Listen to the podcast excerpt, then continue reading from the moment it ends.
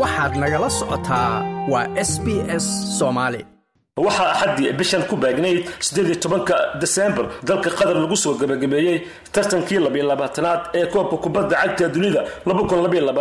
kaasoo ay ka qayb galeen ilaa iyo labiyo soddon xul ayna ku guulaysteen xulka kubadda cagta ee dalka argentina ee ka dhisan koonfurta qaaradda amerika markii ciyaar lagu tilmaamay mid mucjiso ahayd golkulaad afar iyo labo ay kaga adkaadeen xulka faransiiska oo boqol iyo labaatan daqiiqo isku mari waayeen saddex iyo saddex barbardhac ciyaaryahanka toddobada jeer ku guulaystay xidiga ugu wanaagsan kubadda cagta dunida. Leonel messi ayaa ugu dambayntii gaaray hadafkii uu ka lahaa kubadda cagta markii lix iyo soddon sano kadib. Xulka argentina u gacangeliyey koobkii ay sugayeen tan iyo kun sagaal boqol lix iyo siddeetankii markaasoo lagu xusuusto laacibkii dunida isaga dhaqaaqay ee diego armando maradona qaybtii koobaad ee kulanka xulka kubadda cagta argentiin ayaa muujisay ciyaar wanaag iyadoo halka lagu tilmaamay in argentiin ay markaa u qalantay in ay guul qaado maadaama xulka qaranka dalka faransiiska aanay soo bandhigin ciyaartii markaasi horey looga bartay. Waxaana dardartii ay muujiyeen xulka argentiin ugu suurta gashay in daqiiqadii koobiy labaatanaad ay hogaanka ciyaarta u qabtaan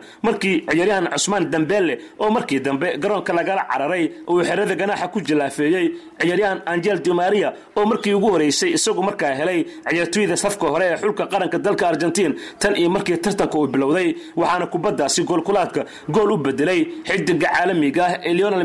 oo golayaha xulka faransiiska hugo loris dhanka kale u diray waxaana goolkaasi xidiga leonel messi oo ku soo qabtay islamarkaana ku barbareeyey rikorkii bele ee ahaa labiyo toban gool oo laga dheliyey koobka kubadda cagta ee dunida. Sidoo kale messi ayaa noqday ciyaaryahankii ugu horeeyey ee abid ee gool ka dhaliya wareeg kasta oo ka mid a koobka kubadda cagta dunida marka laga soo bilaabo wareegii guruubyada ilaa iyo ciyaarta kama dambaysta finalka oo uu goolal dheliyey mana jiro ciyaaryahan sidaa sameeyey marka loo eego tartanka kubadda cagta ee dunida argentiin ayaa hogaanka sii dheeraysay daqiiqadii lix iyo soddonaad ee ciyaarta kadib markii ay dhaliyeen goolkii labaad oo lagu tilmaamay inuu ahaa goolka kama dambaysta finalka ugu quruxda badnaa. Markii baasas qurux badan ay isla heleen xidigaha xulka argentina inta uusan xidiga macalister kubadda uusan u baasin anqeel dimaria kaasoo dabamariyey kubadda golaha ee hugo loris sheekadana ka dhigay laba gool eber oo ay xulka qaranka dalkaasi argentiin hogaanka ku sii qabteen. Tobaraha xulka faransiiska ayaa kadib u adkaysan waayey qaab ciyaareedka xulkiisii ay soo bandhigeen waxaana uu durba garoonka uu ka saaray ciyaaryahanada oliver jiru iyo sidoo kale xidiga cusmaan dambele oo keenay goolkulaadka kooxda laga dheliyey isagoona garoonka ku soo tuurtay marcos turam iyo cowlomani qaybtii hore ciyaarta ayaa lagu kala nastay iyadoo argentina labiyo eber ciyaartu ay ku hogaaminaysay. Qaybtii labaad markii laysku soo laabtay ayay sidoo kale fursado sameeyeen xulka kubadda cagta argentiin taasoo ay ku dheerayn kareen hogaanka laakiin uma aanay suurtogelin macalin dider deshambis ayaa mar kale qaaday tallaabooyin uu isbeddel ku sameeyey waxaanay xulka qaranka dalka faransiiska ay neefta ka soo foqday daqiiqadii lixdan iyo sideedaad markii ay heleen laadkii ugu horeeyey ay ka sameeyaan gudaha garoonka laakiin ciyaarta ayaa noqotay mid la yaab iyo waalli isku rogtay markii labiyo toban daqiiqo ay ka harsanayd markaasoo goolkulaad loo dhigay xulka kubadda cagta faransiiska uu gool u bedelay xidiga caalamiga ah ee kelon imbabe waxaana goolkulaadkaasi ilbiriqsiyo kadib mar kale uu labeeyey xidiga caalamiga kelon imbabe oo sheekada ka dhigay laba gool iyo laba gool taasoo la yaab iyo anfariir ku noqotay marka loo eego jamaahiirta xulka kubadda cagta argentiin oo iyagu isa siiyey in koobka ay si fudud ku qaadi kareen. Waxaa loo baahday wakhti dheeriya soddon daqiiqo si labada xul loo kala saaro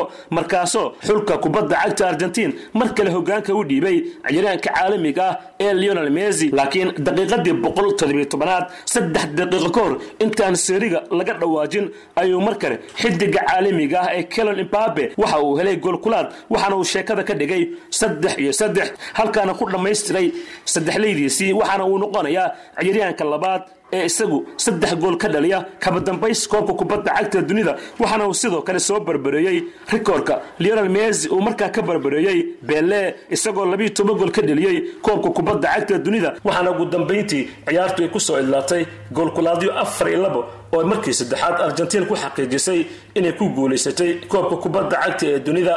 waxaa la bixiyey abaalmarino kala duwan intii tartanka uu socday dhinaca gooldhalinta waxaa ku guulaystay weeryaanka xulka faransiiska kaylon imbabe oo sagaal gool tartanka ka dheliyey golayaha ugu wanaagsan waxaa qaatay golayaha xulka argentiin ee martines da'yarka ugu wanaagsanaa waxaa isna la guddoonsiiyey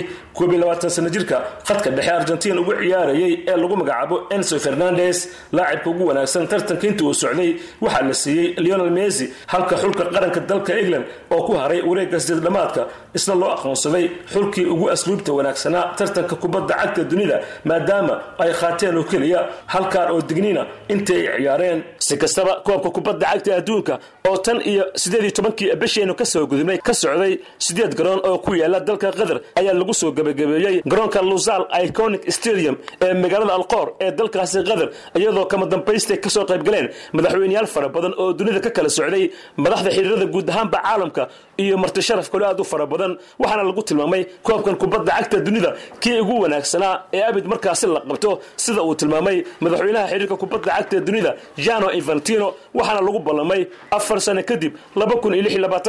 in tartanka kubadda cagta dunida lagu qaban doono dalalka maraykanka mexico iyo canada. Like aas la wadaag wax ka dheh lana soco barta facebooka ee sb s soomaali